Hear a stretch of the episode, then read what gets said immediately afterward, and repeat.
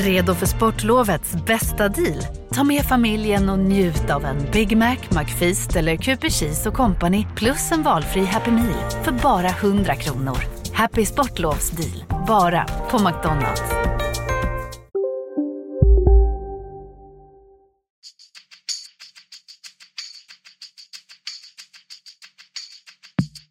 Skönt att komma ut och eh, bara lukta gräset. Så det, är, det är fotboll för mig.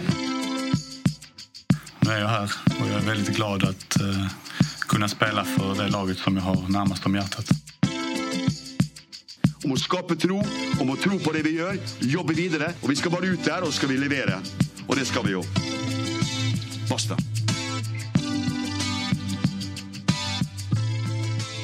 Välkomna tillbaka till MFF-podden. Det här är avsnitt nummer 245. Jag heter Fredrik Hedenskog. Jag har sällskap av Max Wiman och Fredrik Lindstrand. Hej! Välkomna! Välkommen tillbaka Fredrik! Tack! Gött att vara tillbaka. Du har återhämtat dig? Jag är någorlunda återhämtad, ja. Ja. Eh, vana lyssnare hör kanske också att eh, jag inte heller är 100% form. Eh, men eh, vi får se vad det blir av.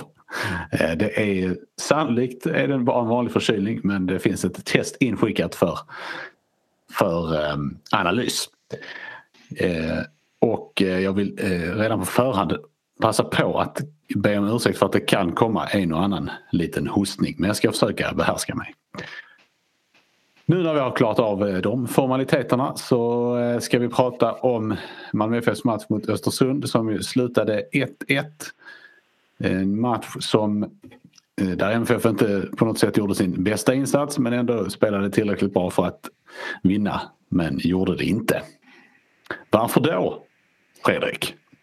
Ja, men det, det känns som man har sett den här matchen förut. Det dyker ju ofta upp någon sån per säsong där MFF liksom inte får in bollen. Uh, en, en, match de i vanliga, vanliga fall vinner. Sen kan man alltid bryta ner varje sån match i, i, i sina komponenter. Och, Och i, i, den här, I den här matchen tycker jag man kan ifrågasätta om, om Malmö FF verkligen maximerade sina vinstchanser. Så att säga. Hur tänker du då funderar vi genast? Ja, men precis. Eh, Bra där Max. Nej, men jag tycker det, det, är ju en, det blir en så, det blir någon slags helhet där man känner att MFF under perioder där man borde öst på gick ner i tempo och eh, defensiva bitar som man slarvar med. Eh, till exempel då målet är det allra främsta. Där man eh, ja, helt enkelt låter en nyinsatt spelare markera motståndarens eh, kanske främsta nickspecialist på en hörna och när, när dessutom hörnor har sett lite skakiga ut eh, innan det också. Eh, det, jag refererar alltså till eh, Birman Severts då, som precis har kommit in och eh, man, man, ser alltså innan målet hur han tittar bort mot bänken och Fedel skriker någonting om eh, vem som ska markera vad och så vidare. Men det är tydligt att han ställs på Mokibi då. Och eh, som helt enkelt bara löper först bort i straffområdet och sen söker sig tillbaka inåt igen. Och där är ju eh, Birmancevic helt borta. Och man ser att Anel försöker skynda till till situationen men han hinner inte, inte tillräckligt fram där. Så att det blir, ett, det blir ett ganska enkelt mål. Det är ett väldigt fint mål och det krävs ju mycket att sätta dit skallen. Liksom. Men ja, det, där räknar ju MFF inte in sina spelare och det, kan man ju, det, det är ju sånt som händer. Eh, men med tanke på hur det har sett ut på defensiva fasta under en ganska lång period nu så är man lite överraskad över att, över att, över att man inte har ja, faktiskt en bättre organisation i det läget. Där. Jag, jag tycker att MFF har någonting att fundera över därför att Väldigt ofta så eh, när man kritiserar den här delen så hänvisar eh, Jon eh, Thomasson bland annat till statistik att MFF inte har släppt in så många mål på fasta under förra säsongen och att man inte är så dåliga på det utan man är ett av seriens bästa lag. Jag tänker så här alltså ibland den känsla man får när man sitter och tittar på matcher säger ibland mer än statistik. Och jag tycker det ofta har varit både på frisparkar och hörnor att det känns eh, osäkert och jag är förvånad över det här eh, eh, vad ska vi kalla det, Johnny Fedels dirigerande från bänken att det ska behövas. tycker det, det, det, framstår som lite märkligt. Vi hade ju en väldigt trevlig podd med Johnny ska, måste jag säga. Och, eh, tycker han sa många bra saker men jag vill faktiskt ifrågasätta den biten om MFF inte borde hitta en annan lösning vad det gäller defensiva fasta situationer. Han, jag, jag tycker han, inte det känns klockrent. Han hade rätt i en annan sak som vi ska återkomma till. Eh, men eh, vad gäller de här defensiva fasta så tycker jag att det, eh, det är inte första gången heller som, som man funderar lite grann över, över uppdragen. Nu vet inte jag exakt vad de har för fördelning av markering och zon och så men det är ju påfallande ofta tycker jag som, som eh, MFFs lite, ofta lite mindre mittfältspelare hamnar i markering på, på nickstarka försvarsspelare från andra laget. Och sen finns det en fortsättning på detta som vi, vi kan låta lite tjatiga men, men eh, Marco Johansson är ingen Johan Dahlin. Och jag tror att på fasta situationer är det väldigt viktigt att ha en målvakt som, som äger sitt straffområde och eh, eh, liksom på något sätt styr vad som händer där också. Det tog ju upp på eh, presskonferensen efteråt. Eh, han liksom nämnde att Birman Sevic inte, inte är så bra på engelska. Men sen så fick han ganska direkt efter det frågan om, från Johan Flink tror jag det var Aftonbladet om, eh, om, om, MF, om tränaren menade att det var detta hade någon del i, i, i markeringsmissen. Men det förnekade Tomasson ganska snabbt så jag vet egentligen inte varför han tog upp det. Det var som att han tog upp det och förnekade det direkt men det är möjligt att det ligger någonting i där. Det här var ju Birmancevics första hans andra allsvenska minut detta. Jag, det, som sagt, det är en sak som en nyinbytt spelare, en nyinbytt offensiv spelare för till exempel ta en stolpe eller liknande.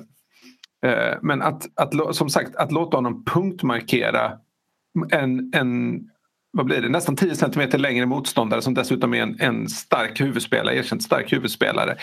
Det, det kan ju inte vara rätt. Och jag menar liksom att MFF har väldigt, är väldigt långt gångna på väldigt många sätt. Väldigt mycket automatiserat. Då återstår ju väldigt mycket, alltså de här stora eh, sakerna som ett tryggt grundspel och eh, eh, en generell spelidé av att man ska pressa högst och vinna tillbaka bollen väldigt fort och sådär. Då, då är det ju detaljerna som återstår för att förfina liksom och, och, och verkligen vinna matcherna även om marginalerna är lite tajtare. Och det, det tyckte jag man, man slarvade med där också. Och någonstans kan man ju också säga så här att ja, det är ett defensivt misstag som gör det. Eh, och att betydligt många fler misstag eh, begicks högre upp i planen. Eh, men där, det, målet kom ju ändå i en period där MFF lite hade tappat initiativet. Alldeles innan den här hörnan så har eh, Elfsborg en ganska bra omställning. Eller Östersund som är laget. Sa jag Elfsborg? Östersund, eh, en ganska bra omställning där, det, där Anna Laknodzic eh, offrar sig så det, så det blir till hörna då som sen blir mål på. Det var också en bra chans men där, där tycker jag till exempel att Thomasson kunde agera tidigare i matchen med att göra några byten det, det, var, det var liksom också en, en bild av den här matchen. Om vi nu tar vi det, liksom, det, här, det negativa först. Då. Det får man kanske göra då efter 1-1 mot en förmodad bottenkandidat. Och, eh, det är att, eh, att, att, man är van vid att se Undal Tomassons lag ösa på för fullt hela tiden. Även, efter, även när man leder med 1-0. Det tycker jag har varit en, en stor styrka i hur, och en stor, att MFF har utvecklats väldigt bra.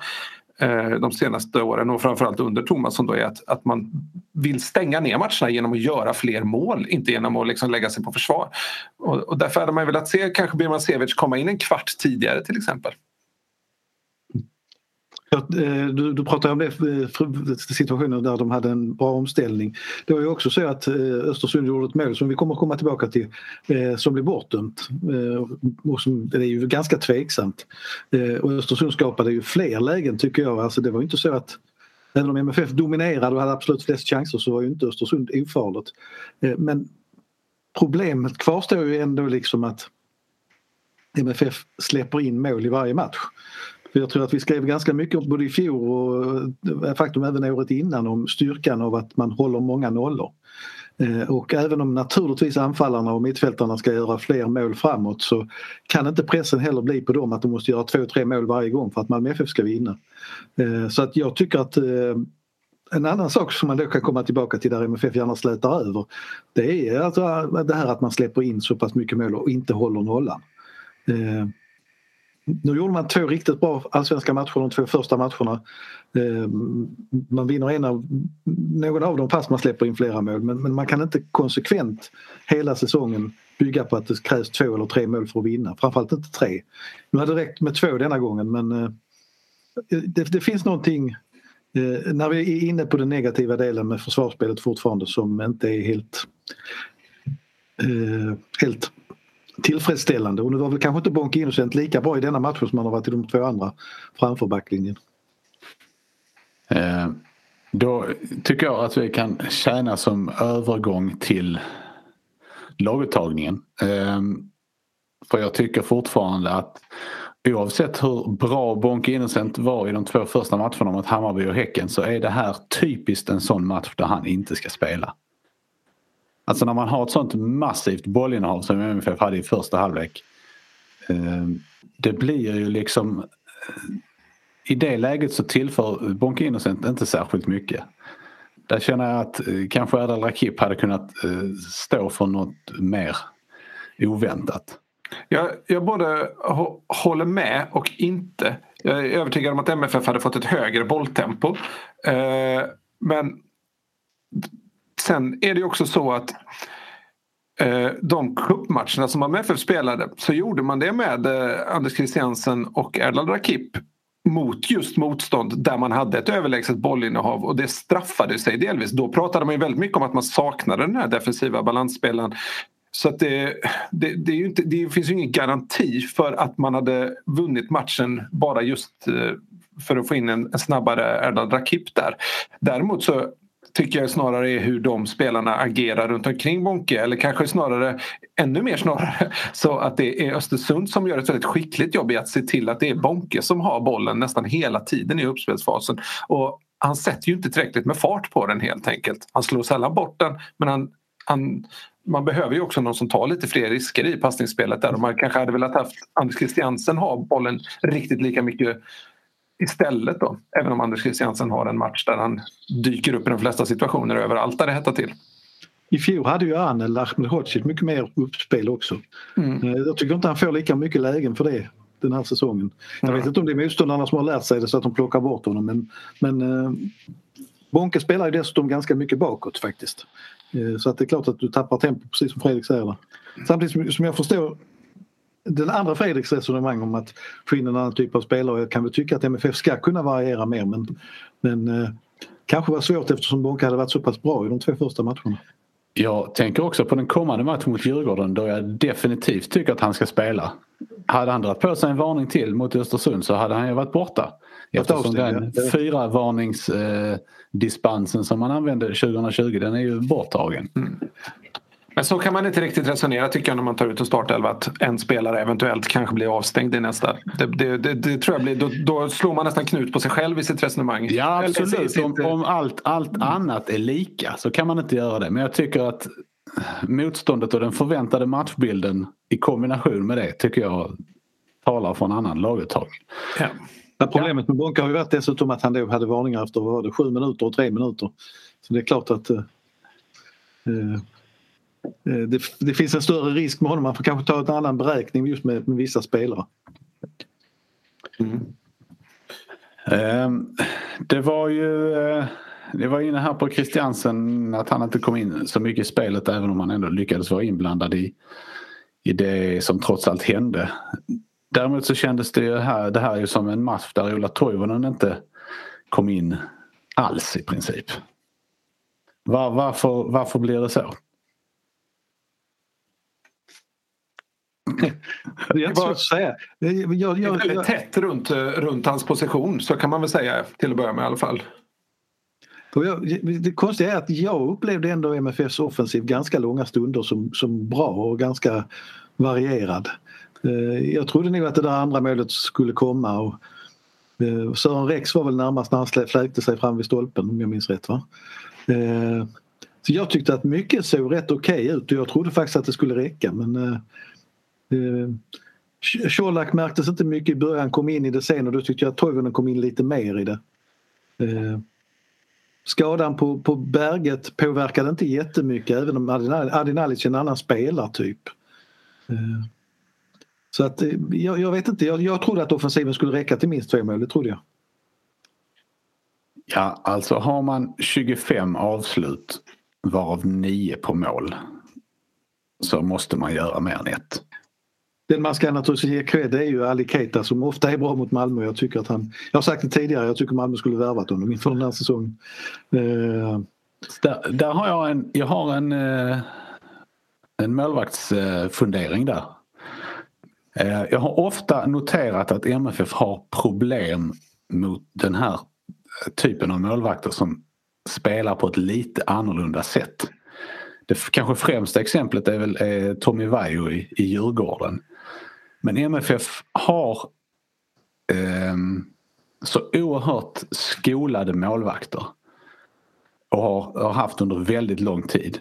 Och det är naturligtvis att föredra men det innebär också att man spelar och tränar bara mot skolade målvakter. När man då möter en målvakt eh, som Ali Keita eller Tommy Vaiho som har ett lite annat rörelsemönster så blir, eh, så blir det ofta eh, sämre avslut.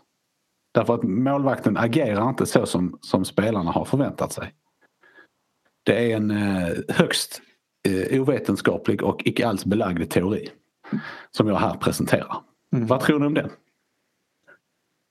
Nej, den låter inte orimlig faktiskt. Det, du, tränar du alltid efter ett visst mönster, det är klart att fel skolar målvakterna efter samma grunder. Eh, och Keita är ju speciell på många sätt och vis. Han läser ju spelet på ett speciellt sätt. Jag tycker framförallt då kanske på, på räddningen han gör i slutet på eh, Birmancevics jätteläge där. Han, han liksom eh, lägger sig lite bakåt, uppåt i någon slags handbolls-X. Um, så hade ju förmodligen inte Marco Johansson agerat i det läget till exempel. Hur tror du han hade gjort?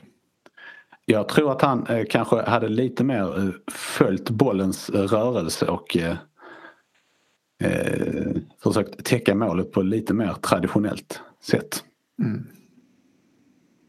Och jag tror, som sagt i längden så tror jag att det är bättre. Men, men eh, jag har funderat på det här vid ett par tillfällen och jag tycker att jag får vatten på min kvarn. Nej, jag tror du kan ha en poäng, absolut. Det... Men det tar ju inte ifrån att Keita gör några fantastiska räddningar. Nej, absolut inte. Sen är det däremot en tråd som Fredrik L var inne på, så det här med bytena, det, det, det är ju någonting konstigt med dem. Att de kommer, I vissa matcher är det ju förståeligt att man ska inte byta för bytandets skull. Det fanns något sånt resonemang tror jag vid Hammarby-matchen. Men, men eh, eh lite pigga friska ben som finns i den truppen hade ju säkert kunnat eh, röra om lite grann när Malmö jagar mål.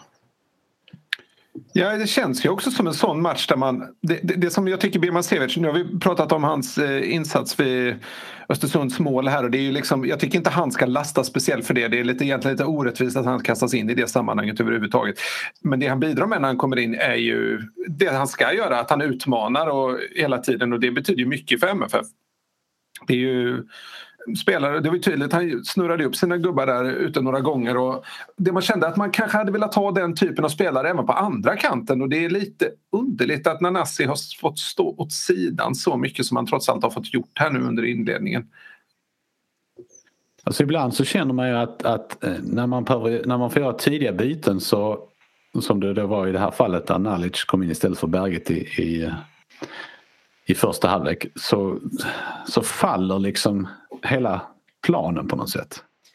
det var lite så det kändes ungefär som att Nalic stod först i turordning att komma in oavsett om det var en mittback eller en anfallare som gick ut. Lite hårdraget men, men eh, jag, jag tycker inte Nalic gjorde en bra insats så det är egentligen inte det men det, var, det blev en fel spelartyp på något sätt.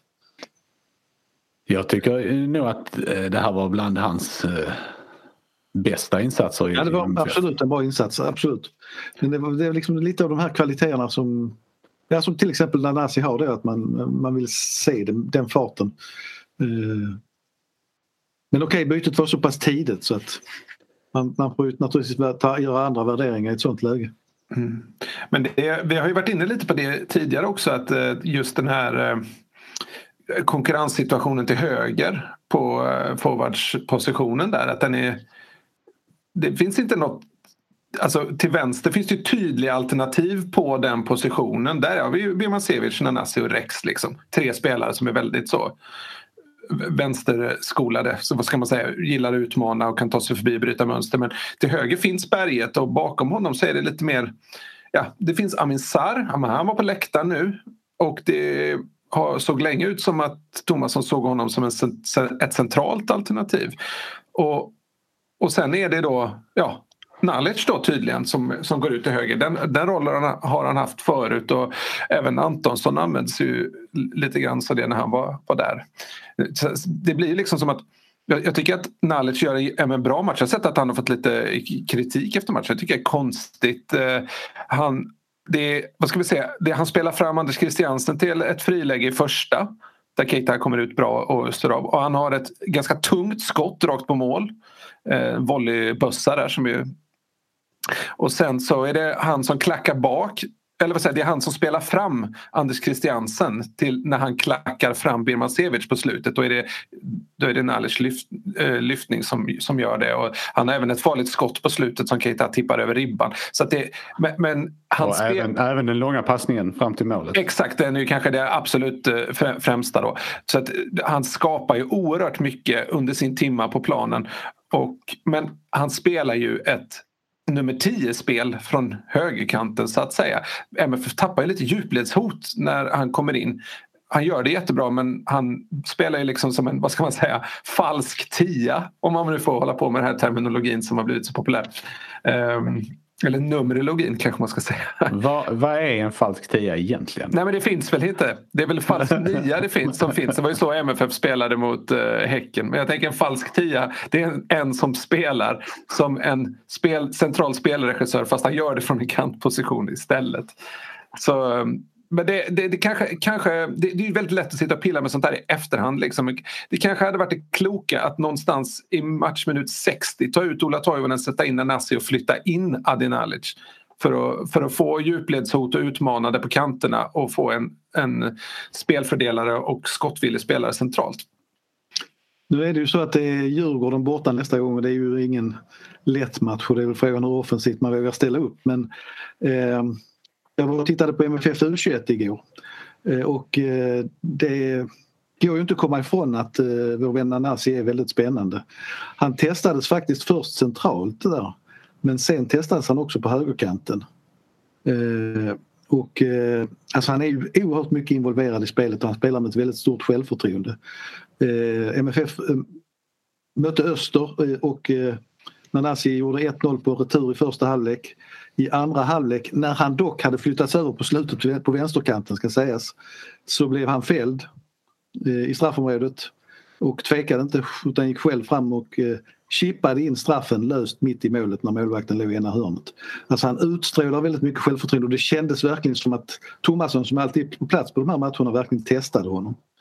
Så att eh, för, nu förutsätter jag att Inge Berget inte spelar mot Djurgården. Den matchen är väl på måndag va? Mm. Eh, men den, den, typen av, när man ser den typen av känningar man spelar ut så brukar de sällan vara tillbaka på en vecka. Eh, vi kan återkomma där till, till Djurgårdsmatchen om en liten stund. Jag tänkte bara när vi nu ändå har lyckats slå in på ett, eh, på ett spår där vi pratar om positiva saker mm. för MFF i den här matchen så kan vi hålla kvar det lite grann. Jag tänkte några ord till om Adinalic för att det var en del saker i den här matchen som, som alltså utöver det offensiva spelet som, som bådade gott för hans utveckling. Det var till exempel det faktum att den här jättekontringschansen som Östersund hade precis i slutet av första halvlek som, som de sjabblade bort lite grann. Där var det ju då eh, Ahmed Hodzic och sen var det Nalic som var först tillbaka i MFF straffområde efter att ha löpt hela vägen och löpt ikapp den kontringen så att säga. Mm. Och det är ju kanske en typ av, av insats som man inte har sett eh, från hans sida så mycket tidigare. Det var det han fick kritik för när han inte fick spela alls förra sommaren att, att han var för, jobbade för dåligt bakåt så att säga. Eh, men det stämmer nog. Jag lade nog också märke till att, att han jobbade hårdare bakåt och kanske mer disciplinerat också. Att han tog inte frisparkar utan han vann boll. Sen på den eh, positiva sidan så har vi också eh, Antonio Colaks första allsvenska mål. Det var ju eh, ett avslut som inte krävde någon, eh, någon större skicklighet men han var ju på rätt plats vid rätt tidpunkt. Och nu kom han väl direkt från sjuksängen mer eller mindre. Men vad, vad tror ni att liksom det här... Han hade inte varit i en sjuksäng. Han hade aldrig legat i en sjuksäng, han hade bara hållit sig inomhus. Han, han hade var, bara suttit han, i soffan. Ja, han hade inte känt några symptom överhuvudtaget. uh, men uh, det, kan, det, det, är svårt att säga såklart. Men det betyder väl säkert mycket att spräcka en nolla, det kan man ju förstå. Och det känns ju som att eh, hans, eh, ska man säga, eh, hans sätt att ta sig mot mål behövs eh, i det här ganska finsnickrande omgivningen. Ja, och det, det, det, är lite, det är en sån match som mot Östersund så är, när det blir liksom... Jag, jag tyckte att det var ganska stora delar av laget det kanske, kanske personifierades främst genom Erik Larsson som aldrig riktigt kom framåt i banan utan ofta stannade upp och spelade tillbaka till Frans Brorsson. Och det blev ganska ofta ett spel där en mittfältare kom ner och mötte mittbacken och satte den tillbaka och så spelade mittbacken till nästa mittback och så gick det runt. Det var liksom mycket sådana korta passningar utan egentligen ja, någon speciell tanke. För det ofta tycker jag, det är ju, självklart ska en, en innermittfältare komma ner och möta för att liksom kanske dra med sig en spelare och öppna upp en yta för någon annan. Eller, ja, liksom försöka luckra upp en lågt stående motståndare på något sätt. Men här gick det så pass långsamt och var så pass förutsägbart att Östersund ofta bara kunde stå och titta på. Och, utan att något speciellt behövde hända. Men det var lite... Vi är specialister på det vi gör, precis som du. Därför försäkrar vi på Swedea bara småföretag, som ditt. För oss är små företag alltid större än stora och vår företagsförsäkring anpassar sig helt efter firmans förutsättningar. Gå in på swedea.se företag och jämför själv.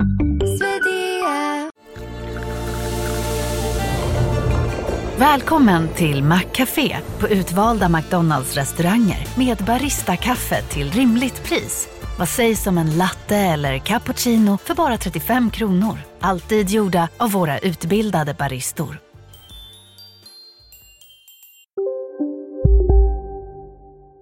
för få spelare som hade blicken uppåt plan och liksom näsan i riktningen mot mål. Där gör ju Antoni Colak är ju verkligen eh, en, en, typ som nästan bara ser målet hela tiden. Och han, han, ville, han, ville, han är så oerhört sugen på att göra mål och ta sig framåt mot mål. Det, det är en egenskap som MFF behöver håller helt med. Eh, det, det, det, du beskriver Fredrik, det är väl lite grann också att de inte såg honom där framme för han fick ganska lite boll mellan varven tycker jag. Mm. Eh, att man kunde utnyttjat honom mer. Sen en liten detalj som jag har sett flera, många supportrar reagera på men som jag också tyckte var lite kul det är att eh, även om han är en utpräglad målskytt så vet jag inte om ni tänkte på vad han hade, gjorde när han hade gjort mål. Han hoppade rakt upp i famnen på Anders Christiansen. Och eh, väldigt många målskyttar hade dragit iväg på egen hand och firat när man hade gjort ett, ett mål i ett sånt läge. Eh, det signalerar rätt mycket lag för mig det här när man, när man gör på det sättet. Han, jag, jag känner inte honom, jag har inte träffat honom men det, det känns som att han är, har kommit in i laget. Malmö FF och verkligen jobbar för laget redan nu och det tror jag är en väldigt viktig egenskap. Mm. När man, för, för då får man på något sätt vad ska man säga, större legitimitet att avsluta själv eh, också när man eh, alltid gör, eh, visar att man gör det bästa för laget. Så jag tycker han är jätteviktig. Ja, vi ska väl förstås eh, nämna Anders Christiansen också som på det positiva kontot. Återigen bra delaktig i det mesta. De heta situationerna. Eh, nära på att göra mål själv, spela fram, eh, se till att få en motståndare utvisad. Om man nu kan säga så, se till. Men det är, det är, det är två det är liksom det är hans smarthet som gör det. Det är han själv som blir fälld båda gångerna av samma spelare. För att han är lite före helt enkelt. Eh, vad gäller Colak så hade det kanske varit lite magstarkt att ta åt sig hela äran för det målet som föregicks av tre briljanta eh, prestationer från lagkamraterna. Men du vet hur en del är att de alltid ska fira själv. De har sina, men han var väldigt tydlig med att han eh, vände sig till laget. Det ska dock sägas om det målet. Det äh, pratas mycket om det målet. Det blir ju ändå matchens stora. Hela den sekvensen som föranleder också blir den stora snackisen. Men Eh, många bra ingripanden men det borde ju faktiskt inte bli, ha blivit mål för MFF där. Inte beroende på något domslut eller liknande. Men för att Frank Aaron, då, den, får man väl ändå säga var någon slags otursgubbe i Östersund. Han kan ju enkelt ta undan bollen. Han har ju grepp om bollen. Innan, in, han är ju före Anders Christiansen till i den här djupledsbollen som Adenaler slår. Men istället för att bara skicka iväg den så passar han, passar han den mer eller mindre till Anders Christiansen. Det är ett obegripligt eh, ingripande på ungefär samma plats där Frank Harrin i första halvleken hade slarvat bort ett tre mot en läge för Östersund genom att det återigen mer eller mindre passa till en MFF-spelare. Vi pratade ju lite grann om det innan ni drog igång här apropå den situationen med eh, Frågan är hur matchen hade utvecklats om eh, Colak inte hade gjort mål. Eh, missat bollen eller någonting totalt. Eh, nu var han ju helt fri men eh, därför att det var ju en ganska tydlig situation Anders där Anders Christiansen skulle haft straff och eh, Ali Keita skulle haft gult kort och han var ju redan varnad för maskning vilket Kristoffer Karlsson ska beröm för. Han varnade redan i första halvlek. Eh, men en rätt intressant situation för matchutvecklingen kunde ju blivit en annan även om MFF ibland inte gör mål på straff.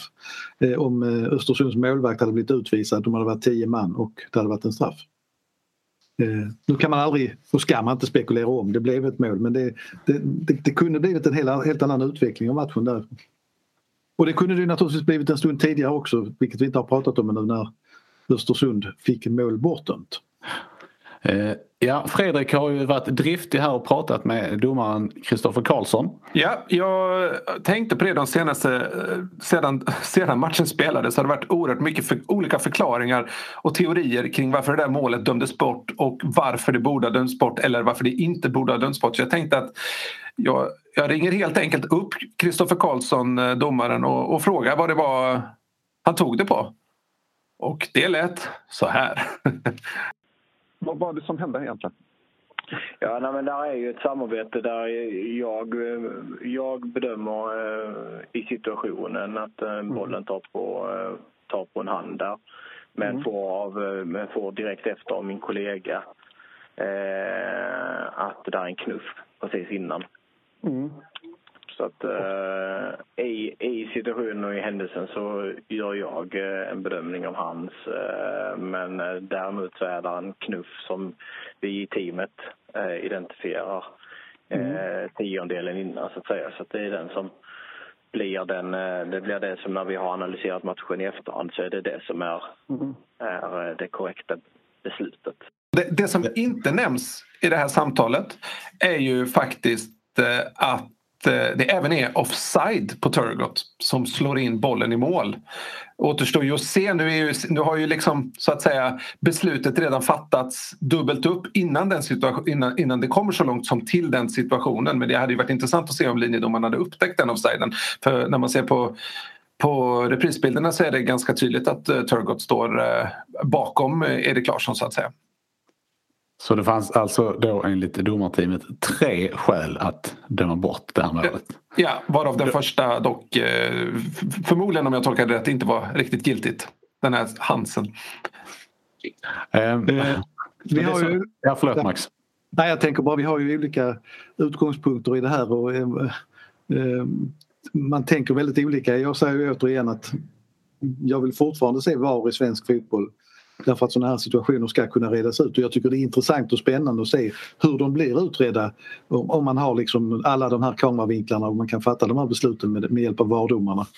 Eh, sen vet jag, det finns saker som jag talar emot naturligtvis men jag bara noterar. Det, det, det bästa är ju att domarna fattar rätt beslut. Som i detta ja, det, det, är rätt orimligt eh, att de alltid ska göra det eh, med tanke på hur snabbt det går eftersom huvuddomaren är ensam trots allt på planen. Men, men det, det, hade varit intressant att se en sån granskning vad den hade lett till. Den hade ju förmodligen lett till bortdömt mål. Eh, eh, Nej, den hade ju inte lett till att MFF fått mål. Eh, för att kontringen hade ju aldrig uppstått, den situationen hade ju aldrig uppstått om den varit var. Det, där har du absolut en poäng. Och det är ju problemet med, med, med eller ett av problemen med VAR. Så självklart är det så. Det hade inte... Då kanske det hade slutat 0-0 alltihopa. Mm. Men det, det finns det onda och det goda. Jag, jag förstår mer än väl båda sidor av saken och jag vet att många supportrar blir upprörda när man tar upp det. Men, men det, det finns så många situationer som, eh, där, som behöver granskas. Jag, jag, tror att det kommer att komma så småningom ändå även om svenska klubbar och dess supportrar just nu röstar nej. Om den här situationen hade granskats så hade ju då som Fredrik sa eh, Johnny Fedel inte kunnat säga vad var det jag sa eh, när han sa att Marco Johansson har eh, eh, allsvenskans bästa målvaktsfötter. För den, den snabba frisparken som han slår ut som Adin Alic sen tar ner och slår vidare utan att släppa ner bollen på backen. De två passningarna där det, var, det kändes ju när man tittar tillbaka verkligen som matchens, matchens prestation på något sätt. Det var en... Eh, ja, man blir, som gammal målvakt blir man också alltid lite glad när målvakten får vara involverad framåt. det är spännande. Det var, inte bara, det, det, var inte bara bra fötter utan också bra spelsinne. Och det, det, det är liksom, det, just det tänket hade man velat genomsyra det MFF även efter målet. Det där blixtsnabba, titta framåt, vad har vi för alternativ? Hur kan vi anfalla här? Hur kan vi göra något bra offensivt av den här situationen? Det är, det är ofta det som har varit liksom ledstjärnan för MFF när man har varit som allra bäst. Får jag bara fullfölja VAR-diskussionen då för att det ska bli komplett? För det blir liksom, det, det, tanken slår mig inte förrän när man får tänka efter lite till. Men om vi leker med tanken nu att, att det hade varit VAR-granskning och det hade varit ett felaktigt bortdömt mål. Eh, vilket, jag menar fortfarande så är det väldigt små marginaler man kan diskutera det. Då hade det blivit ett dubbelfel för då hade Östersund fått ett mål bortdömt och Malmö hade fått ett gjort ett mål som de aldrig hade kunnat göra om, om granskning hade varit. Så man kan ju vända och vrida på allting väldigt mycket. Eh, det visar hur komplext det är. Ja. Fast jag... Ja, vi har olika åsikter, det får vi ju ha. Eh, men jag känner att just den här situationen ehm, där, där man blåser eh, liksom för, för knu, där, alltså, Ja, nu vet jag inte om de blåste för hans eller om de blåste för knuff i och för sig. Först, men... först, först, första blåsningen för hans men den, sen ändras domslutet att det var knuffen som var det stora. Liksom. Ja, och frågan är om en, om en knuff i det kanske hade granskat det. Nej det är inte säkert. Det är möjligt att det, det, för det här det, det blir ännu mer komplicerat än så. Jag är inte ens säker på att de fått lov att diskutera knuffen. Men de hade kunnat diskutera offside situationen på slutet.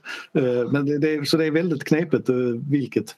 Men eh, det är möjligt att domarens beslut hade legat fast i det här fallet. Att det är svårt att backa det där. Men det är, man, man gör ju lite olika i olika länder också. Det är ju England som särskiljer sig vad det gäller VAR. Där är man mycket mer petig vad det gäller var än Framförallt vad det gäller offside-situationer i andra länder. Men det, det hade varit intressant att veta faktiskt. Där har man ju också nått någon sorts standard. Är 6, 7, 8 minuters eh, tillägg nu för tiden. Ja, det är, men det är ju helt vansinnigt för det är ju för att man granskar liksom att eh, ett knä eller en tåspets det är ju liksom man har ju tappat idén även med VAR. Man har inte bara tappat spelets idé utan tappat idén med VAR också. Men det är en annan historia. Då vänder vi eh, blicken mot eh, nästa omgång där är då MFF som trots allt eh, ligger tvåa i allsvenskan och är obesegrade möter Djurgården på bortaplan. Djurgården har efter tre omgångar allsvenskans enda fullpoängare och har sett väldigt stabila ut så här långt. Vad, vad tror du Fredrik om den här matchen? Ja, man får väl säga att Djurgården är försiktigt eller knapp favorit här. Och då är det ju framförallt eh, ja, delvis på grund av eh, nio poäng på tre matcher men kanske framförallt på grund av underlaget. Eh, MFF eh, trivs ju verkligen inte uppe på Tele2 och eh, det brukar väl klassas som eh, Sveriges, jag vet inte om man ska klassa det som Sveriges sämsta konstgräs men Sveriges snabbaste konstgräs i alla fall. Det är väl det som brukar vara diskussionen. Eh, ja. Vad finns det fler för kriterier när man pratar om dåligt konstgräs? Hårt? Ja, det är hårt. Jag vet inte om det är det hårda som gör att det blir snabbt i alla fall. Jag har, faktiskt, jag har inte tittat snygga på studsa men rimligen så borde det hänga ihop. Ja, det liknar väldigt lite fotboll när man spelar på det underlaget. Jag, jag, jag har spelat för lite fotboll för att kunna reda ut vad det är liksom som, som gör det. Men det, det, det, det, det, det och Norrköping är de två konstgräs jag tycker förstör fotbollsmatcher allra mest. Alltså det finns ju en tendens till att, till att det blir ett, ett annat närkampsspel. Och väldigt lite mittfältsspel. Det är ju ofta det som liksom det intrycket man får med sig när man, när man tänker tillbaka på på vad det är som, som, när man liksom försöker sätta fingret på vad det är med de här matcherna som man, man inte känner igen och som man inte gillar. Sen, eh, jag, jag sticker väl ut och säger jag håller nog Djurgården som ganska klar favorit just med tanke på historien. Alltså man kan ju aldrig komma ifrån den, även om det är många nya spelare i Malmö nu så har det ju varit, eh, det har ju varit tufft på Tele2 de senaste åren och framförallt mot Djurgården då ett par matcher som Eh, det är ju cupfinalen och direkt efter när man förlorar med 3-0 två gånger för några år sedan. Alltså det, det är eh, jag vet inte, det känns som att man har ett mentalt underläge från start när man går ut på den planen. Eh, och inte bara målmässigt utan ofta har varit rätt torftiga matcher spelmässigt, tycker jag i alla fall. Det finns det undantag också men, men ser nog en risk att Djurgården kan dominera den här matchen ganska mycket. Och med tanke då på att MFF släpper in mål i varje match så är det ju lite tufft utgångsläge. Kanske borde MFF våga satsa mer på de unga killarna i en sån här match. Typ eh, Sebastian Anasi då som väl inte har den här konstskräcken kanske som många andra spelare. Jag vet inte. Men det... Eh, finns det anledning att tro att MFF kommer att eh, gripa sig an den här matchen på något, något särskilt sätt eller är det, kommer vi att se Alltså kan man ha, kan man ha Häckenmatchen som någon sorts utgångspunkt? Att... Ja men det tror jag, tror jag nog. Jag tycker att MFF ska ju spela sitt spel. De ska ju gå ut och anfalla och försöka ta tag i, i bollen. Det, det, det är det de trivs bäst med. Det är det också man säger att man ska göra. Um, det, det, de kommer möta ett väldigt organiserat motstånd. Det är det som har kännetecknat Djurgården. Och det, jag är väldigt imponerad med tanke på att de har, de har tappat både Fredrik Ulvestad och Jesper Klarström som har liksom ändå stått för någon slags kamp och kampgaranti i Djurgården eller något sånt där. Det är väldigt tunga att möta, svåra att forcera och så vidare. Eh, och de har ju fått ja, det, det är starkt också att de har lyckats vinna på så olika sätt under sina tre matcher mot Elfsborg så låg man ganska lågt och, och satsade på kontringar till stor del. var väldigt effektiva där. Eh, smarta. Och hemma mot eh, Norrköping så var det mer att man dominerade rent spelmässigt och spelade ut motståndet. Eh, full koll. Och Varberg mer om den här gamla klassiska kriga i 90 minuter insats. Eh, så det är spännande att se vilket, vilket av de här ansiktena man får se mot, mot MFF. Men det är ju ett lag som gör, gör läxan tydligt och ställer upp på ett väldigt bra sätt och är väldigt svåra att forcera helt enkelt. De, mot, mot Varberg så körde man ju fyrbackslinje inledde man då som vanligt med men man gick över till fem. Det är också en, lite spännande att man är flexibla med systemet och sådär medan, medan MFF är ju mer de ställer upp så som de ska ställa upp och, och byter hellre personal så att säga än att byta sätt, och, sätt att anfalla. Ja, det var väl mot Häcken de var lite mer flexibla mm. än, än annars. Annars så har det ju precis som Fredrik säger varit lite statiskt och jag börjar fundera lite kring, kring det här personella också. Det är ju inget konstigt därför att det är ju väldigt få matcher än så länge. Det är en match i veckan. Ehm, och därför har man då vunnit de två första allsvenskan så kanske man inte ska göra så många byten heller. Det är ju fullständigt logiskt.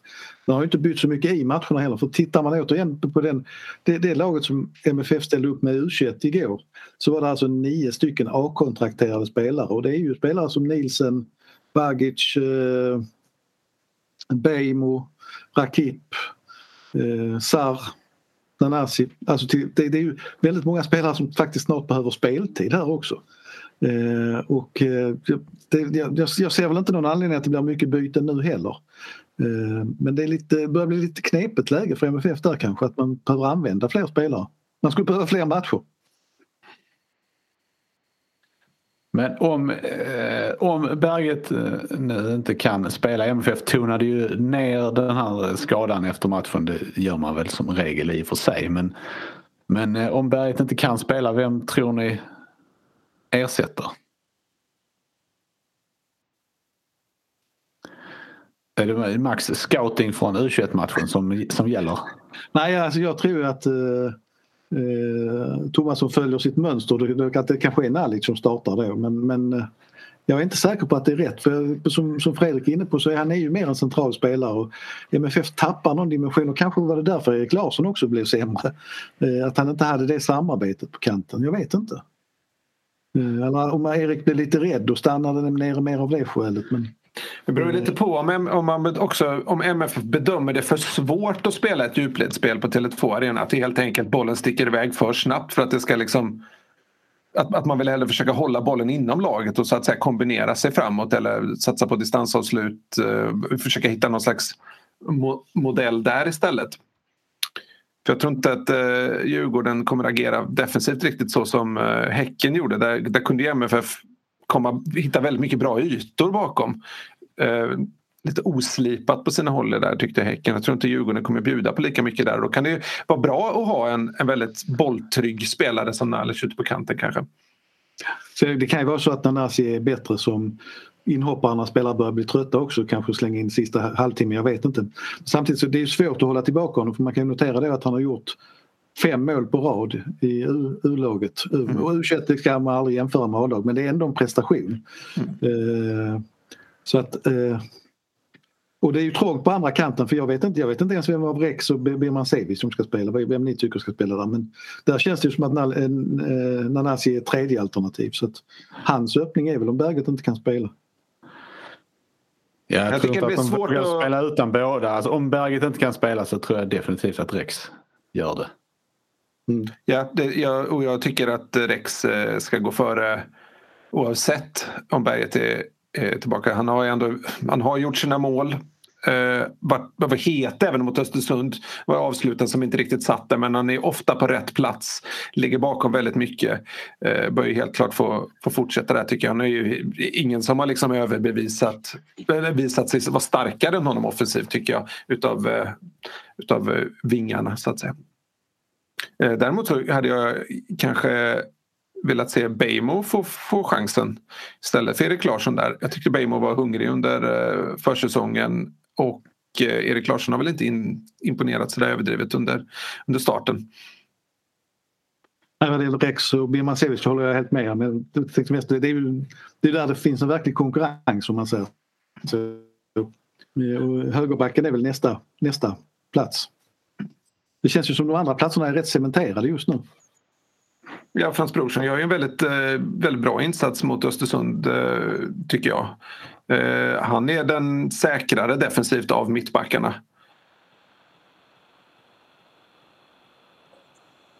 Jag, jag, väntade på en fortsättning men det var bara nej. Nej det var bara så. Jag bara Kallt konstaterande. Ja. Mm.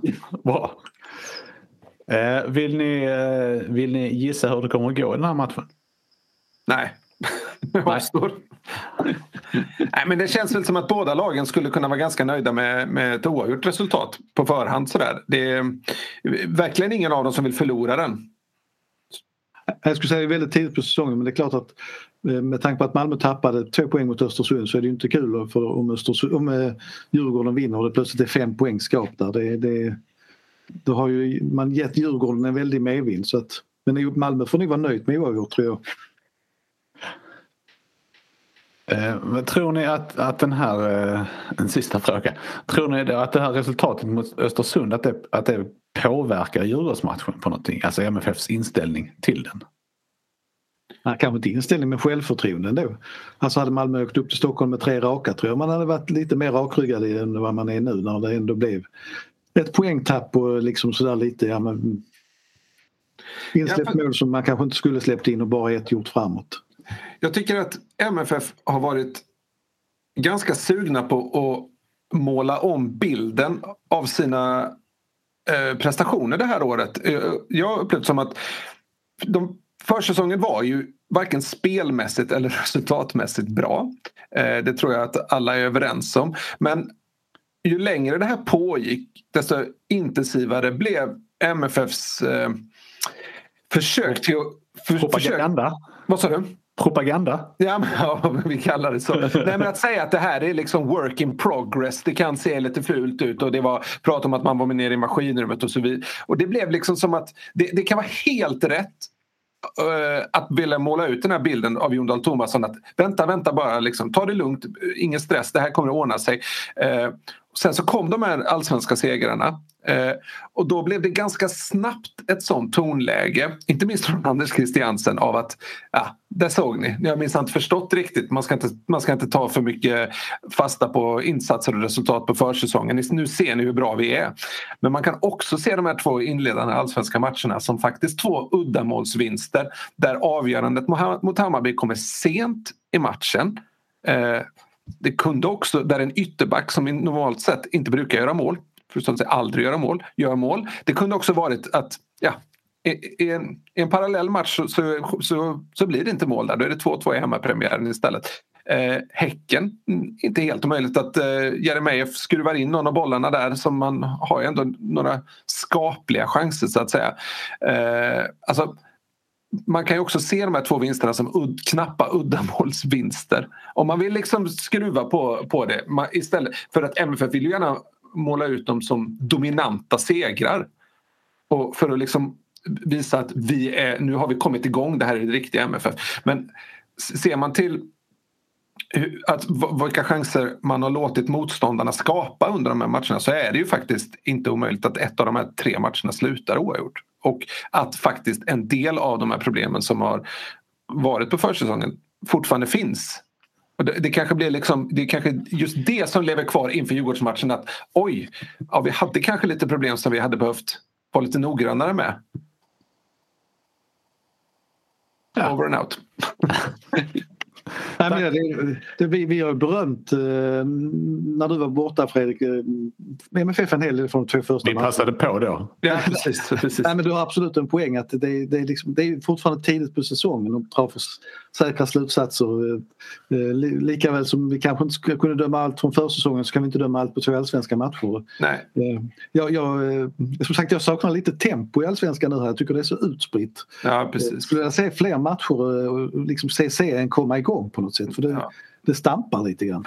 Nej, men sen ska det ju sägas också att Malmö FF har ju varit väldigt bra under allsvenska inledningen. De har gjort mycket, mycket bättre och de har ju, liksom tatt, de har ju utvecklats och tagit tag i flera av de problemen man har haft. Och framförallt är att man överlag levererar och kämpar på en mycket högre nivå än tidigare. Så det är liksom inte så att man ska sitta och, och, och och hacka på dem och säga att det är, det är precis som under försäsongen för så är det ju verkligen inte. Men det, det, man ska heller inte dra för stora växlar av, av den typen av, av segrar heller. Man vet ju, man, man minns kanske det var 2012 där inledde väl med fyra raka segrar för att sedan falla tillbaka in i lite gamla synder som man då såg under försäsongen också. Så, ja. Gud vilket minne du har Fredrik. Ja visst är det så. Jag är fortfarande ung och fräsch. Jag minns knappt förra säsongen.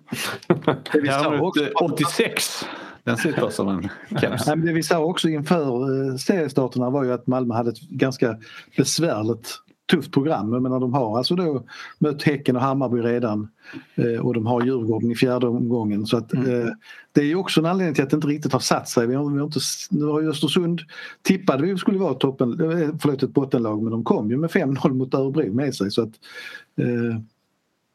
ja, jag, jag tror den här serien behöver en fyra, fem omgångar till nästan innan vi kan våga säga för mycket. Och då är det dags att ta paus. Typ så. Eh, vi tar paus nu. Mm. Vi återkommer efter eh, Malmö FFs bortamatch mot Djurgården. Det här har varit avsnitt nummer 245 av MFF-podden där vi anser att konstgräs ska förbjudas i svensk elitfotboll. Jag heter Fredrik Hedenskog. Jag har haft sällskap av Max Wiman och Fredrik Lindstrand och ansvarig utgivare är Jonas Kanje. Tack för oss. Hej hej! Hej hej! Hejdå.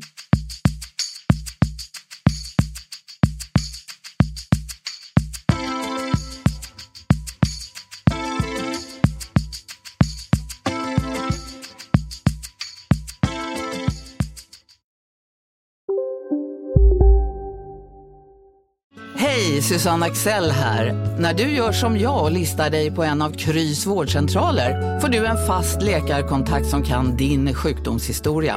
Du får träffa erfarna specialister, tillgång till lättakuten och så kan du chatta med vårdpersonalen. Så gör ditt viktigaste val idag, lista dig hos Kry. Ska några små tassar flytta in hos dig? Hos Trygg Hansa får din valp eller kattunge 25% rabatt på försäkringen första året. Läs mer och teckna djurförsäkringen på trygghansa.se. Trygg Hansa. Trygghet för livet.